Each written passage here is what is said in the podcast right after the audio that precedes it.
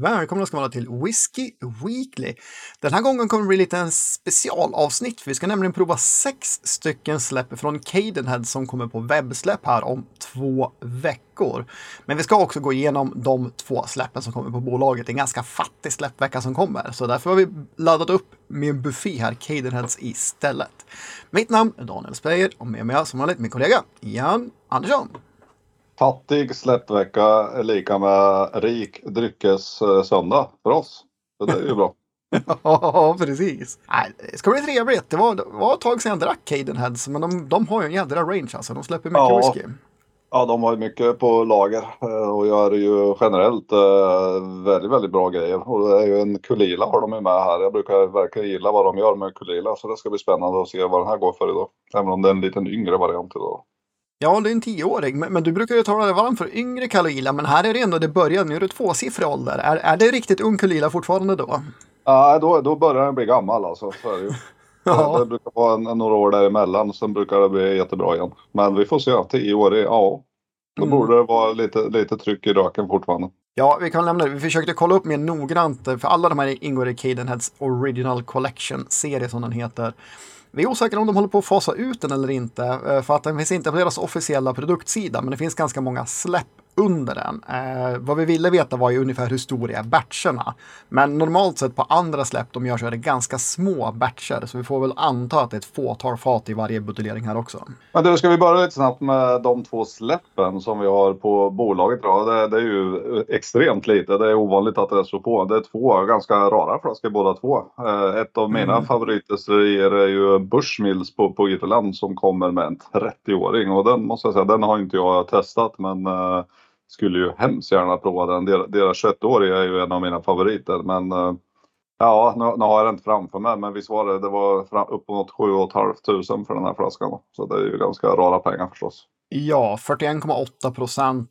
7 500 en 70 eh, Det här är väl en av de här riktigt specialbuteljeringarna, va? För vi fick i fjol var den här Banjul Casks, var det i fjol det? Mm, det var det nog. Och det här tror jag är eh, alltså en uppföljning på den serien, men de har kört på betydligt exklusivare buteljeringar. Men, men 7 500 för 30-årig, ja, mm, det får vara 41. väldigt speciellt. 7 procent. Ja, nej alltså så sugen är jag inte så jag kommer betala det. Så är det ju absolut. Men eh, hade man fått testa någon hade bjudit på en rackare så skulle man inte tacka nej. Så är det. Nej, men verkligen inte. Men den andra är väl faktiskt, det är ju ändå, för vi har ju pratat väldigt mycket om Claxton så eh, vi är båda ganska obevandrade, har provat något. Eh, Enstaka brukar vara relativt höga priser men nu kommer det ju något som jag tycker brukar vara intressant och det är ju en gammal eller en äldre grain whisky, the grain barn. Mm. Så på 30-årig och jag tittade in lite på den, tyckte den lät väldigt intressant och eh, de- dessutom fantastisk snygg flaska och förpackning på den dessutom. Ja, men den är inte eh, ja, jag lura lite på den där faktiskt. Ja, för jag menar, kollar man priset är 13,95. Nu brukar Grain Whisky vara mycket billigare, det syns ju även här va. Eh, Men då är den ju 30 år, så det är det är en dyr Grain Whisky. Men ja, den är också 30 år. Eh, 1400 istället för 7,5 då för den bredvid på hyllan idag. Ja, men verkligen. Eh, Och Grain Whisky kan ju bli magisk, eh, även sån här bulk Grain Whisky, när den får ligga länge på fat. Så, så är det verkligen. Ja. Och eh, den här från 92 till 20, 2022. Så inte tokigt alls. Men för de som fyller 30 år är det ju klockrent. Verkligen. Ja, det... är nästan ett måste-köp till det priset. Jag fyller inte 30 men jag kommer fundera på den här ändå. Liksom. Jag ska mata de gråa håren med något tre- trevligt ibland. Ja, men faktiskt. Den, den, den lockar lite grann. Men ja, nu är det dags. Vad har jag i glaset Daniel? Det är väl lite jänkarwhisky kanske va?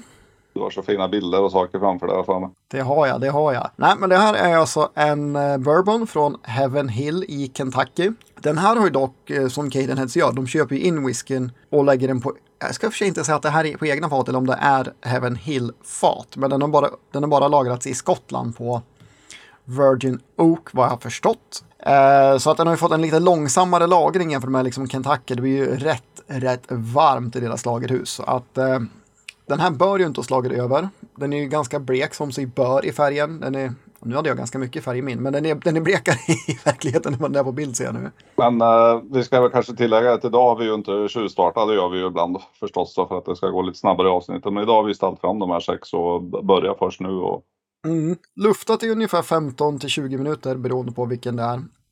Vi tittar på, den här är väl uppe i 20 minuter nu så den, den bör ha fått ganska gott om tid att öppna upp sig. Eh, en 12-åring bör inte behöva mer tid än så för att börja visa sig hur, hur den kommer vara. Och där är ju en bourbon, det, det känner jag. Eh, det, det, finns en, eh, en riktigt tydlig signatur i majssprit helt enkelt. Som, som inte jag alltid är helt överens med. Det, det är helt okej okay, så länge den är så pass mild att det är mycket annat så, som överröstar den här. Det är liksom en, nästan som en liten medicinal bränd ton tycker jag som majsspriten skapar. Men den, den, här är ju i det mildaste laget måste jag säga. Den, den, finns där. Jag skulle gissa att det var en bourbon på en blindprovning nästan helt säker. Men uh, det är en hel del andra vinösa liksom, uh, toner och som, som kliver fram. Jag tycker är lite så här uh, sötma som är lite grann från hårda karameller. En mm. karamellsötma liksom. Ja men det finns ju en syrlighet i den också. Ja det gör det definitivt. Så att det är inte en typisk eh, vanlig standard Heaven Hill. Eh, vi ska säga priset på den här. Alla de här kommer på webbsläpp den 19, så det är ett traditionellt torsdagssläpp. 998 46 procent. Ingen av de här är kylfiltrerade eller färgade. Alla är på 46 procent också kan vi säga. Det är den, eh, den dyraste rangen vi har idag. det är det faktiskt, lustigt nog. den doftar mm. också lite, lite kokos, nästan lite tropik också i, i syrligheten. Den var väldigt um, violstark lite viol-lakritsstark, blommig och kommer lite, lite så här kaktusfrukt eh, tycker jag. Lite pepprig, men den här violkänslan, den blir jag förvånad om, om du inte åtminstone förstår vad jag menar Daniel. Nej men 100 procent. Det, det, är sådana viol som är i tablettaskar. Ja, alltså, verkligen liksom. 100 procent den. Men det gick att tugga på den här ett tag och jag tyckte det kom fram väldigt mörk choklad med liten bitterhet också. Efter ett tag. Men det finner sig en klar, klar, klar bourbon-ton men sötare. Eller sötare. Ja. Det, det, är en sötma som inte är bourbon-typisk, men eh, mycket mer bourbon i finishen. Ja, det är nog lite annorlunda att den har legat liksom i, jag vet inte, det, det fatet som man har valt till den. Den känns annorlunda den här på något sätt. Jag, jag tycker den känns lite kaktusaktig om du förstår vad jag menar. Den mm. liksom mera känslan i, i, i smaken.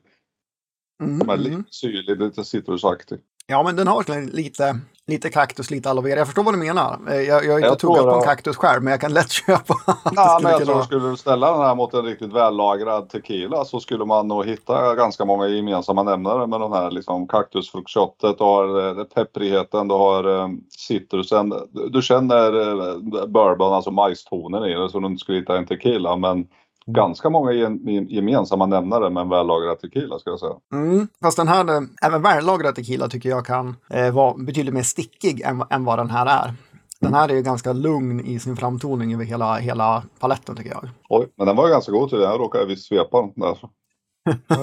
Ja, vi har ju bara ettor i glasen så det, det, gör det lite svårare att också tjuvstarta på dem. Så det är lika bra att vi kör det live här tycker jag. Ja, men den, här tycker jag är bra. Jag, vad hade du tänkt Adam? Skulle vi betygsätta de här eller ska vi bara liksom köra igenom dem och sen eh, vi, vi sätter en liten ranking på de här idag va? Det räcker nästan. Ja, men det kan vi göra. Så kan vi lämna köprekommendation eller inte. Ja. Men jag kan säga så här att den här leder ju hittills. Klar etta hittills. Ja, Nej, men gillar man bourbon tycker jag det här är ett solklart köp. För att det här är en högkvalitativ bourbon med lite rolig eh, detalj att den är lagrad i Skottland. Eh, mm. Definitivt köpvärd även fast den är 98 för en bourbon. 12-årig, ja, nej men här har de gjort bra. Det gillar jag. Bra start. Ja, den var god faktiskt. Ja, nej, det... Den godare än vad jag hade gissat att jag skulle tycka den var. Mm, verkligen. Jaha, nu kör jag ner näsan i en, eh, en, en eh, burk torrcider. Ja, som, som heter Glenn Elgin även det här är en 12-åring då, 46 procent som alla andra, men till 654 kronor. Så att eh, mm, prisbilden är ju lockande och etiketten säger att det här borde vara rätt prisat. Vi får se om det är kvalitet på den. Ja, men jag tycker den det är, det är, det är väldigt, väldigt, alltså det här vinösa sidotonerna var det första jag kände. Det kommer, det kommer lite sötma också och ganska mycket färsk frukt i näsan. Alltså det är nog en kompott av äpplen och päron. Det är inget som är distinkt åt ena hållet. Så både krispiga och lite mer mogna stenfrukter. Ja men verkligen, det, det, det, är både mogna, det är också lite så här uh, kompottkänsla över den. En, alltså den, den, är, den har en syrlighet som jag undrar, är det syrlig bärighet? Kanske, mm. ja men persika. Ja men den är, den är liksom den, den är verkligen en vinös. Det kommer faktiskt, eh, ja kanske lite persika. Jag tycker det kommer in lite mer i smaken. Ja, men eh, Den, den här är ju riktigt, riktigt trevlig för att den här eh, har ju verkligen, som du säger, en kompott av olika frukter. Den är, har en, både en ganska tydlig fruktsötma med en rejäl syrlighet i den från de här vinösa tonerna. Och sen så gifter den ihop sig fantastiskt bra. Alltså den är nog, det, det enda som känns ungt med den är att det inte är jättemycket fatkaraktär i den. Men den är ju en oerhört eh, trevlig balanserad eh, whisky smakmässigt. Mm. Det, det, det, det gifter sig perfekt faktiskt. Riktigt bra. Ja, och jag gillar verkligen den här äh, pepprigheten som kommer på smaken. Som är, den, nu ska jag dofta igen i och för sig när jag har smakat den. Men som inte alls fanns där i, i doften riktigt. Men den kommer upp väldigt behagligt på, på tungan tycker jag och eh, ger den en balans. Alltså jag måste säga Glen Elgin är ett destilleri som jag inte har druckit fasansfullt mycket whisky från. Men äh, är det så här det börjar på 12 år då blir jag ju väldigt intresserad av att prova mer och kanske äldre grejer. Ja men definitivt. Men det här är jag imponerad av. Alltså det är bland det ljusaste man kan få i whiskyväg. Men låter inte luras av det, för det här är faktiskt det här är kvalitet. Och för Alltså 605, 654 kronor för den här flaskan, det är, det är ruggigt bra. Den här är ju den här är ju över 85 poäng, även, även om vi inte ska gå in och detaljbetygsätta. Så den här, når, den här når ju upp till åtminstone 85 poäng. Ja, ja men det gör den definitivt. Det är, är lite mitt över ska jag vilja säga. Spontant. Och det som är kul i den här är ju den här syrligheten och lite, tropiken kan sig köpa, men den är lagrad på 100% bourbonfat. Men den har ju en vinös syrlighet i doften, vilket Ja. är väldigt spännande. Jag tycker det är i smaken med. Alltså jag tycker kanske att det är lite mer tropisk känsla i smaken än i doften. Men jag tycker den är sammanhängande från första Mm. snippen till finishen liksom. Mm. Nej, det här är, det är ju hatten av. Det här är ju um, sjukt bra whisky för den här slanten. Ja, och finishen är riktigt fin också. Inte alls lika fruktig såklart, för det är väldigt sällan en finish är. Men den har med sig en skaplig fruktighet in i finishen. Mm, lite, mm, ja, li, lite så här maltighet i finishen som ligger skapligt länge tillsammans med fatkaraktär. Nu har jag inte varit på de andra, men jag sparar en droppe av dem där. För det är ju inte helt omöjligt att det här är den bästa idag. Nej, faktiskt. Nu, nu nu har vi fyra kvar, men den där är riktigt bra. Ja, den där är stark köprekommendation för alla som gillar maltwhisky. Jag kan inte tänka mig, ja, dricker man bara rökig whisky då, hoppa den, men ja, den, där, den där bör alla köpa till det priset. Den är fruktansvärt prisvärd. Nu är det inte riktigt den här liksom eh, färska, friska näsan på nästa whisky. Nej, nu, nu var det faktiskt lite, lite... Lagrad, Lite- lite torkad. Mm, den hade betydligt mer färg i sig. En Inch Goer, 12-årig den också, 46 procent. 719 kronor, så snäppet dyrare. Men eh, vi får väl se. Den är 60 procent bourbonfat, 20 procent sherry och 20 procent madeirafat har de lagt ihop där. Så vi ska se ifall de har lyckats balansera det, för det är inte alltid eh, det är så himla lätt faktiskt. Ja, det är inte kompositionen jag hade gissat på om jag bara hade utgått från näsan. Så vi får se lite vad munnen säger. Nej, jag hade trott det var betydligt mer betydligt mindre bourbon och mera kanske first fill sherry och vinfat. Ja, för det är ganska tunga sherrynoter i doften. Ja. Nej men alltså absolut, det, det är ju väldigt mycket, det, det är ju torkad frukt och det finns en viss eh, vinös ton i den med. Som kan, eh, även, eh, kan eller kan inte ha lite med madeiran att göra. Den brukar jag tycka är lite mer vinös liksom i tonen Mm. madeiran då än sherryn. Men eh, ja, smaken okej. Ja, då börjar det faktiskt komma in lite mer bourbon-karaktär. Det, det, den här är ju lite mer fatkaraktär i också än vad det varit i de tidigare. Nä- nästan förvånansvärt mycket för att vara en 12-årig då. Men det kan ju i och för sig såklart vara, vara äldre whisky i den här också. Men Mm. eh, ja. Jag tycker när jag går tillbaka till den efter att ha smakat den. Den behövde någon kalibrering ifrån den här Glen Elgin. Nu öppnar den upp sig med lite mer än bara sherrytoner. Den har den har varit liksom mildare på näsan. Håller med. Någon så här lite diskret kryddighet kommer in. Men jag tänkte säga, är den inte lite så här pepprig den här med va? Fast på ett lite annat sätt. Mm. Kanske lite, nästan lite så här rosépeppar kan jag tänka mig på den här. Liksom. Ja, ja, men lite åt det hållet. Lite diskret sådär, men den finns där eh, ändå. Det går inte att missa den. Jo, men jag håller med dig. Nu när jag går tillbaka till den så tycker jag att det, det finns en fräschör i den som, som inte är torkad så att säga. Utan det finns någonting färskare i det. Jag kan inte säga äpplen, päron sådär. Men det finns en, en eh, liten vinös, liten fräschör i den. Nästan Ja. lite åt det örtiga hållet. Mm, ja, precis. Jag blir lite, lite diskret kryddighet och örtighet. Men jag ska ta hit på droppar av vatten, för den är ganska kompakt näsan. Det är svårt att liksom plocka isär fruktigheten i den. Så Ja, jag tror det skulle vara för att, jag, jag tror det är mer för att kunna identifiera än för smakupplevelsen så tror jag inte den här behöver vatten. Nej, det tror inte jag heller. Men eh, banan kom det upp eh, ganska bra nu på snoken tyckte jag. Mer päron. Ja, jag, tror, jag, tror jag, jag tror jag vet vad du menar. Jag, tycker, inte, jag tycker inte det är banan, men det kom upp en sorts nästan gräddig fruktighet i den. Mm. Den var trevligare på näsan, för den, den, den öppnade upp näsan gjorde den. Ja, näsan blev nog snäppet vassare. Mm. Smaken behövde en kalibrering också. Nu tyckte jag det var ännu, fin, ännu finare fatkaraktär med liksom väldigt behaglig, lite strävhet, så att tanninsträvhet som kom in. Ja, men det kom ju en liten eh, bränd touch nu också. Mm, I finishen. Rostad touch. Mm. En, en sötma i finishen som är nästan, ja, nästan choklad men ändå inte. Som att du har bränt lite mörk sirap i en wokpanna med, med frukt liksom. Ja. den, den gamla godingen. Ja, nu känner jag inte igen mig själv ens här. Jag vet inte vad, vad jag säger här. Men, ja, det, det var det som ploppade upp i huvudet liksom. ja. ja, den var inte dum heller. Den här faktiskt, jag vet, jag vet inte om det är för att man smakar den igen, för det ska man ju alltid göra. Jag tycker att för, första näsan och smaken säger en sak, sen så säger ju andra och tredje och fjärde leder in på det den kommer att smaka mer över tid. Men den här klev upp, den här skulle jag också, gi- gillar man lite mer eh, eh, sherry vinfatslagring utan att den är överpepprad med de tonerna så är det här ett givet köp på 719 kronor. Ja, ja men det, den är bra den här med. Mm. Det, det är den. Det blir, ja, jag ska suga lite på tabletten här. Ja. Jag har tappat tydlighet i vilken som leder. Jag måste nog eh, filosofera lite kring det. Jag tycker Glenn Elgin leder nog ändå. Men frågan är om inte den här ska upp på 85 ändå, den här Inchcover. Nära på faktiskt. Mm. Är trevligt. Men jag tycker vi hoppar vidare till eh, en Mystery Bottling då. Som bara är A Speyside Distillery med på bilden en otroligt mörk färg. Och sanningen är att den har en ganska mörk färg i glaset också. Trots att det bara är en etta som är upphälld så är den, den är väldigt mörk. Sätter den åt min vita panna här så ser man lite grann. Ja, och den här är lagrad på 100% sherryfat, varav hälften är first fill-fat och hälften är refill, bara Oloroso sherryfat. Jo men då, det är en tydligare sherrysötma i den här. Jag skulle inte, den här är ju inte så, så sherifierad att den skulle räknas som en bomb i mina, i mina ögon heller. För att det, det, en bomb för mig den är verkligen det här liksom Christmas cake, torkade frukten tar över allting annat och det andra får man liksom ta fram spaden och gräva för att hitta. Utan det här, det här kommer ändå, det finns en fräschör, det finns en Det liten s- vinöston i den här med. Ja, men den är lite smörig också och eh, har lite apelsintoner i sig. Ja, alltså för en gång skulle jag benägen att hålla med dig och säga att du kanske har rätt där med lite apelsin.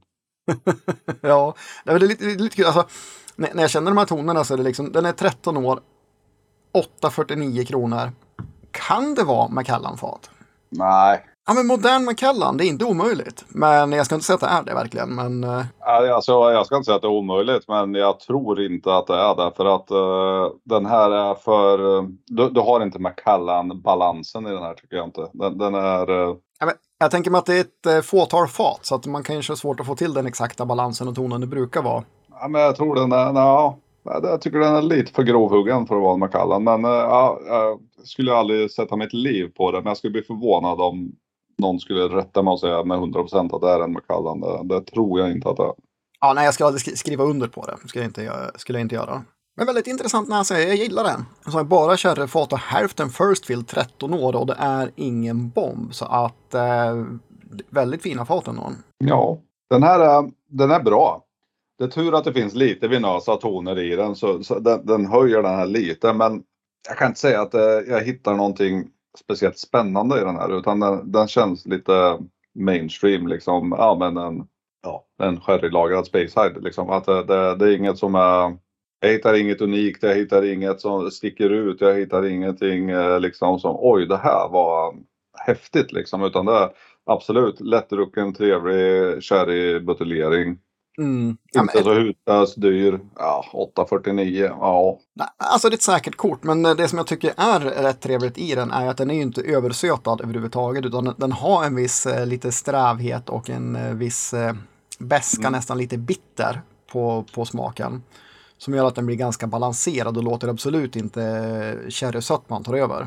Ja, men jag tror det är kanske min, eh, min lilla sherryvrånghet som, eh, som jag ändå har liksom, som lyser igenom här. Att när, när, det, när jag väl jag gillar sherrywhisky men jag föredrar bourbon. Så när jag, när jag hittar en sherrywhisky som sticker ut och liksom gör någonting med mig, ja, men då kan jag liksom höja den till skyarna. Men den här, äh, det, ja. Nej, men det kanske inte är något man höjer till skyarna, men är, man går heller inte bort sig på den här om man vill ha en bra, bra sherrylagrad. Det finns ingenting fel med den. Nej, verkligen inte. 849, 13 år. Hade varit kul att veta vilket destilleri det är. Men eh, ja, nej, för, för en bra sherrylagring skulle jag säga att det är den värd faktiskt. Jag tycker det här smakar som något no, no, glännigt. Alltså en, ja, jag vet inte. Ja, Glenn smak och finish. Glenn Rottes skulle vara min bästa gissning på den här. Ja, för, för, smak och finish är absolut inte med Kallan DNA. Nej, jag tycker inte det. Och det är inte Mortlack. Nej, De det är det inte. Det är inte en eh, Glenn Livet, det är inte de där liksom florala whiskyna heller. Nej, men spännande. Men av, eh, av maltwhisken så är väl den här trea nu då. Eh, definitivt över 80, men för mig är den inte riktigt 85 heller. Bara för en fingervisning om vart den ska ligga. Den hamnar, eh, nej men jag tror den här hamnar faktiskt sist tror jag av de här vi har druckit för min del hittills. Ja, för jag menar Heaven Hillen, den var riktigt bra kvalitet på. Så att ja. det, det, är möjligt att den halkar under den också faktiskt. Men nu tycker jag vi går vidare på ett destilleri som kan vara fantastiskt underbart och också fantastiskt eh, inte så trevligt ibland. Det blir spännande att se vad vi får den här gången.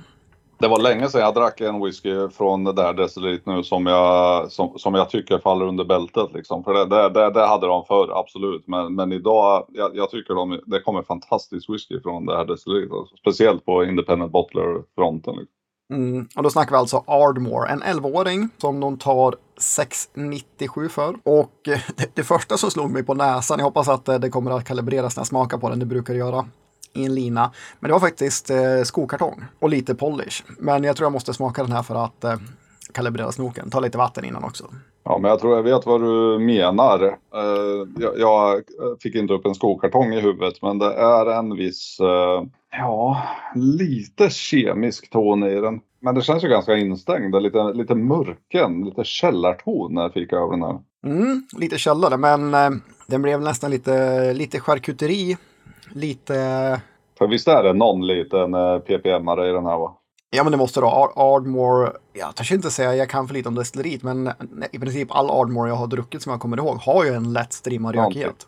Ja men det, det måste det vara. Men den, den är lite charkuterier, lite, mm, lite såhär uh, köttig. Jag håller med, det är liksom en liten, lite källarton. Inte laggård utan uh, verkligen så lite... Ja men lite mörk, en lite fuktig källare, lite sån ton. Ja. Ganska trevlig men lite, lite instängd näsa kan jag ändå tycka. Liksom. Det är inget som sticker till eller händer direkt. Skulle Nej. personligen gissa att det kanske är mer åt sherrylagringshållet än uh, bourbon. Men det är svårt att säga på den faktiskt. Eh, jag kan ju berätta, det är kanske ni som lyssnar och tittar också vill veta. Den här är lagrad på bara Pinot Noir-fat. Pinot Noir, det hade jag inte gissat på. Jag känner ingen vinös syrlighet i den här alls. Nej. Pinot Noir är ju ganska liksom lätt och fruktig whisky. Då brukar ju sån här kunna lysa igenom rejält på. Ja, men verkligen. Med vatten så öppnade näsan upp sig lite grann, blev lite piggare. Kommer upp lite mer bärighet, lite, lite mer venöst, men den är fortfarande charkuteri, lite källare, nästan, nästan lite laggård, men det är fortfarande mer, mer liksom källarstilen på den. Mm. Den är ganska torr, lite, lite askig. Eh, touch eh, i, i, smaken. Absolut, jag håller med att fruktigheten den kommer fram lite mer i smaken. Jag vet inte om det, det är inte den här tydliga bärtonen, alltså björnbär, hallon, sådana som jag kanske tänker en Pinot Noir. Men... Nej, men lite vingummin eh, tyckte jag det drog lite. L lite, lite konstig är den här, är den inte det? Jo, och det är det här som kan vara med Ardmore. Det kan vara lite, det kan vara konstiga smaker i den. Jag tycker den här är god, men det kanske inte är en klockren buteljering. Jag får inte riktigt ihop den liksom i systemet. Jag tycker det kommer upp lite, lite rök på näsan nu när man har doftat på den och smakat den ett par gånger. Men det är bara en strimma, ja. annars fanns den mest i finishen faktiskt. Ja, men det är, det är lite rök i den. Jag känner lite, lite askighet i den. Men jag, jag tycker ändå det, det, är mer så här källar, sån ton i den. Eh, tydlig Ayla-rök eller något sånt liksom. Nej, nej, nej. Den, den, lilla röktonen som finns är mer bara en skogsrök, alltså en brasvedsrök än en eh, torvrök tycker jag. Ja, men jag, jag, jag tycker det, det, det, finns ju inget som, är, som, som, inte är gott i den. Den är god men uh, Jag vet inte, lite knepig också. Han hamnar där någonstans mellan 80 och 85, liksom den delen av vår skala. Ja, och, men det som är kul med den här, det är att den är så pass udda så att det här kan vara en sån flaska som växer på en ju mer man dricker den. Och då är den inte, inte nödvändigtvis under samma kväll utan vid flera olika tillfällen. Ja, det skulle kunna vara så. Det här kan vara en sån motivering. Den är lite spretig. Mm. Så att den drar lite olika håll. Så jag kan tänka mig att man får en annan upplevelse nästa gång. Ja, men faktiskt, jag tror det också. Så att, ja, lite sugen på det. Ardmore är en destilleri jag gillar bara för att ja, man får vara beredd på det mesta. det kommer till deras släpp tycker jag. Men vi går väl in då på, på, det, på, den, eh, på den sista helt enkelt. Och vi har redan sagt det förut, men vi säger det igen. Det är då en Kulila, en tioårig historia. Eh, pris som alla andra, 46 procent, ingen färg, ingen eh, kylfiltrering. Det gäller för all Cadenhead whisky för övrigt. Och den här är då lagrad på 100 procent bourbon. De säger fresh bourbon, så du får väl anta att det är first fill fat. Och eh, vad var det du sa det första du sa när vi doftade på det? För vi doftade igenom dem väldigt snabbt innan vi tryckte på inspela in. Ja, då var det ju extrem eh, askighet, nästan cigarettaska, alltså askfat i den. Men det, det här tycker jag nu när jag har fått stå och lufta, det känner jag inte riktigt. Lite grann liksom. Men Nej, det har gått tillbaka betydligt och mer med tydlig eh, eh, citrus. den finns där, det gör den. Lite medicinal faktiskt är den. Ja, den är lite askig, lite... Jo, men visst har du Kulilas lilla citronmaräng där. Där har du. Ja. Men den har liksom en, en torrhet i näsan som kommer typ ifrån askighet eller ett stendamm eller någonting sånt som ligger där. Och eh, nu är det mer behagligt och mycket mindre påtagligt efter luftning. Ja, något lite instängd ton nu. Jag ska nog prova en, någon droppe vatten här strax.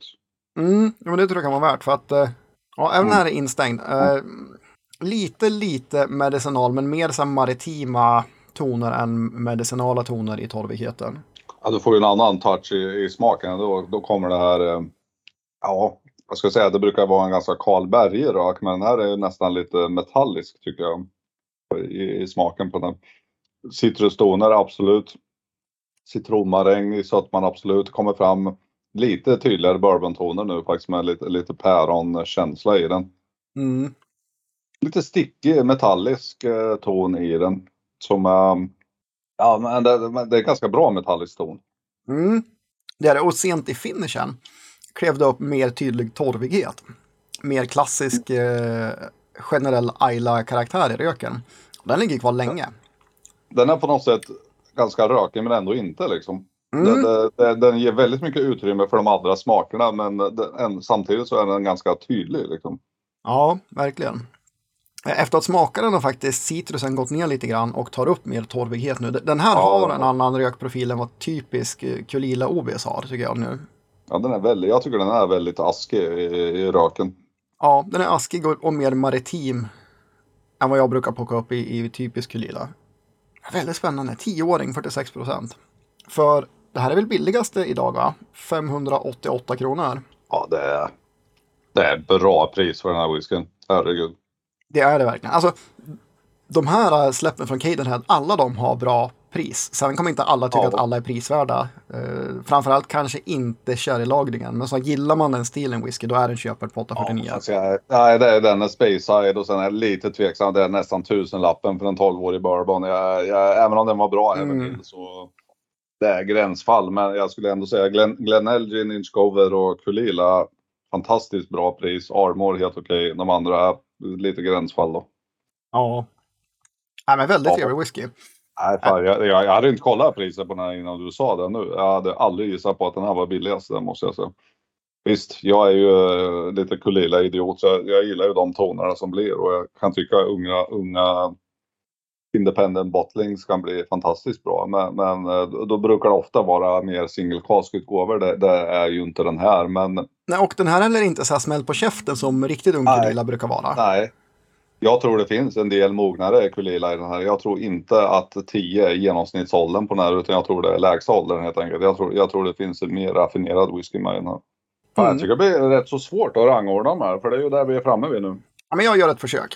Ja. Jag går Glen Elgin, det är ettan för mig fortfarande. Otroligt att den kostar 654 kronor. Sen så är det nog splittad, delad andra plats på Inch Gover Kulila. Sen är det Heaven Hill, sen är det Speyside-utgåvan och sen är det Ardmore. Där landar, det är Ja, min jag ranking. kan säga att vi eh, tänker ju inte helt olika. Visst, vi har ju blivit lite sammansvetsade vid höften här nu på alla poddavsnitt, men vi tänker ganska lika. Ja, men jag måste nog... Jag tycker Inchgovern är... Den är lite roligare än vad Kulilan är. Jag håller med dig. Jag, jag sätter Glenn Elgin på första plats. Den var fantastisk. Inchgover kommer tvåa. Kulila kommer trea.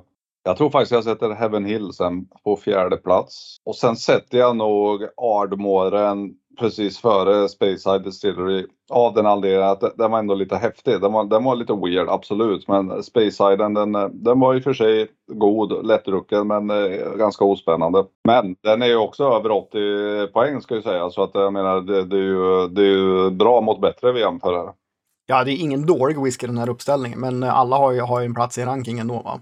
Men du, jag tycker att det har kommit upp, och nu ska man inte dra för stora växlar på det här, för att vi har provat fyra andra whiskys med tyngre profil. Men det kommer upp krusbär i Elgin-whiskyn. Mycket tropik i sötman på näsan, ännu mer nu än vad det var förut. Alltså, det här är ju toppen whisky. Eh, Glen Elgin, det är givet köp på mig. Vi får se hur många man får boka. Måste rekrytera vänner och annat kanske. Ja, men fan i att ta för många för jag måste ju få plats för ett par av dem där också känner jag. Ja, men eh, ja, Ian, jag har lite jobb att göra. Vi har suttit nästan 40 minuter nu med sex whiskys. Så jag, jag tror jag tar Glenn Elgin i hand och eh, säger som vi brukar. Skål på er där ute och ha en trevlig whiskyvecka. Kanske.